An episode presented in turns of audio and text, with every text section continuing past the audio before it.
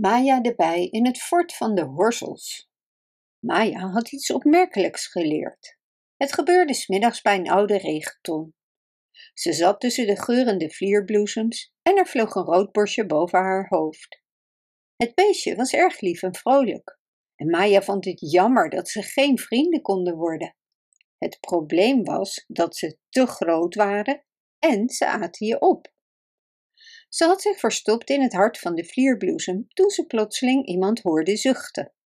Toen ze zich omdraaide, zag ze het vreemdste wezen dat ze ooit had gezien.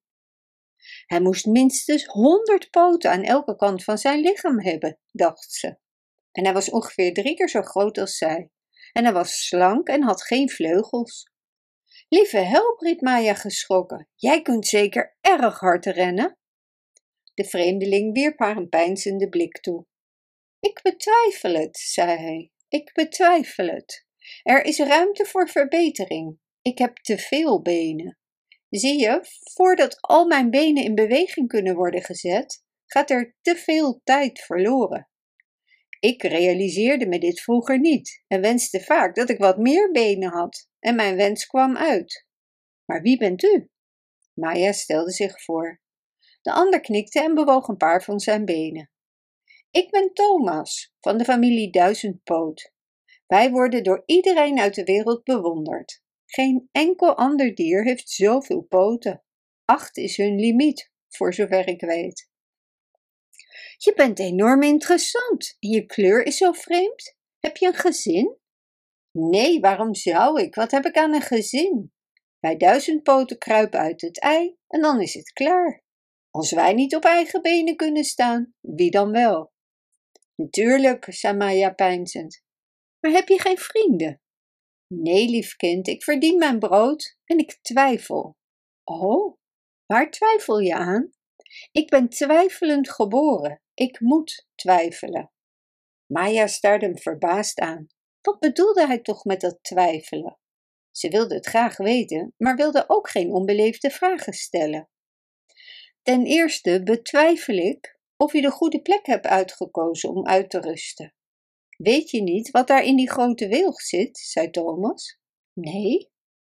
Zie je, ik betwijfelde het al of je het wist. Het Horselfort is daar. Maya werd een beetje bleek en viel van schrik bijna van haar tak. Ze vroeg waar het Horselfort precies was. Zie je daar die oude nestkast voor spreeuwen bij de stam van de wilg?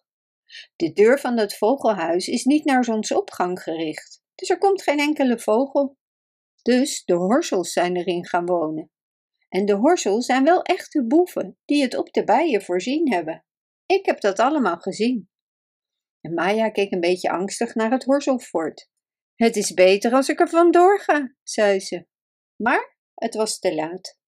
Achter zich hoorde ze een gemeen lachje en ze voelde dat ze in haar nek gegrepen werd.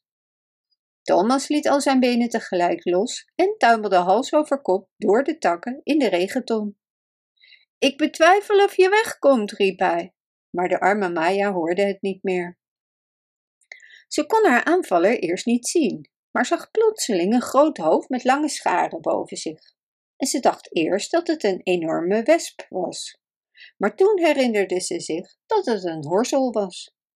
De horsel was prachtig geel gestreept en was zeker vier keer groter dan zij. Maya, die erg geschrokken was, riep nu zachtjes om hulp. Roep maar om hulp, meisje, zei de horsel op honingzoete toon. Maar ik heb geen idee of er iemand komt, zei hij, terwijl hij onheilspellend glimlachte.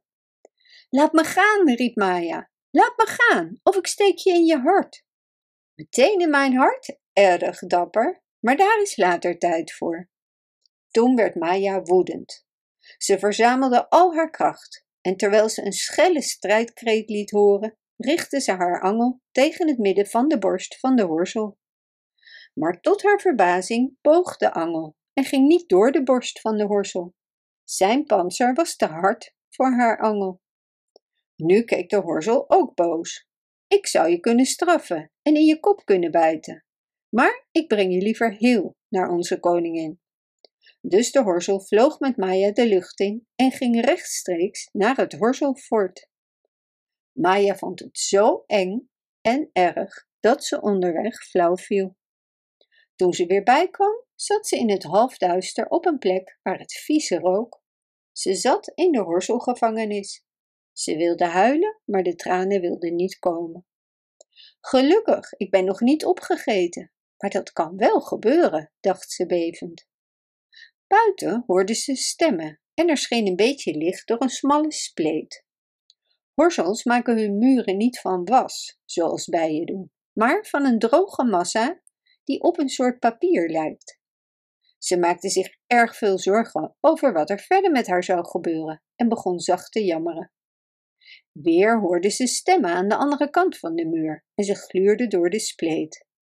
Ze zag een enorme zaal vol horsels, die schitterend werd verlicht door een aantal gevangen glimwormen. In het midden zat de horselkoningin op een troon en er werd een belangrijke vergadering gehouden. En als ze niet zo bang was geweest voor de horsels, dan hadden hun kracht en grootsheid zeker indruk op haar gemaakt. Het was de eerste keer dat ze dit insectenras zag. Een horselsergeant liep rond en beval de glimwormen zoveel mogelijk licht te geven. Toen hoorde Maya de koningin zeggen: Goed, we zullen ons houden aan de afspraken die we hebben gemaakt. Morgen zullen onze krijgers uitdrukken voor een aanval op de bijenstad in het kasteelpark. De bijenkorf moet geplunderd worden en de bijen moeten gevangen genomen worden. Degene die koningin Helen de zevende vangt en haar levend bij me brengt, zal tot ridder worden benoemd. Wees moedig en breng mij de rijke buit. Hierbij is de vergadering afgelopen. De horselkoningin stond op van haar troon en verliet de zaal, vergezeld door haar lijfwacht. Mijn land, snikte Maya, en al mijn lieve bijen. Ze was wanhopig en wilde het uitschreeuwen. Niemand kan mijn volk waarschuwen. Ze zullen aangevallen worden terwijl ze slapen. Ik hoop dat er een wonder gebeurt. In de hal gingen de lichtjes van de glimwormen nu uit, en geleidelijk aan werd het stil in het fort. En niemand leek nog aan Maya te denken. Buiten meende ze het nachtlied van krekels te horen, maar zij zat opgesloten in het donker in de horselgevangenis. Bedankt voor het luisteren. Wist je dat je dit verhaal ook op onze website ridiro.com/nl kunt lezen, downloaden en printen?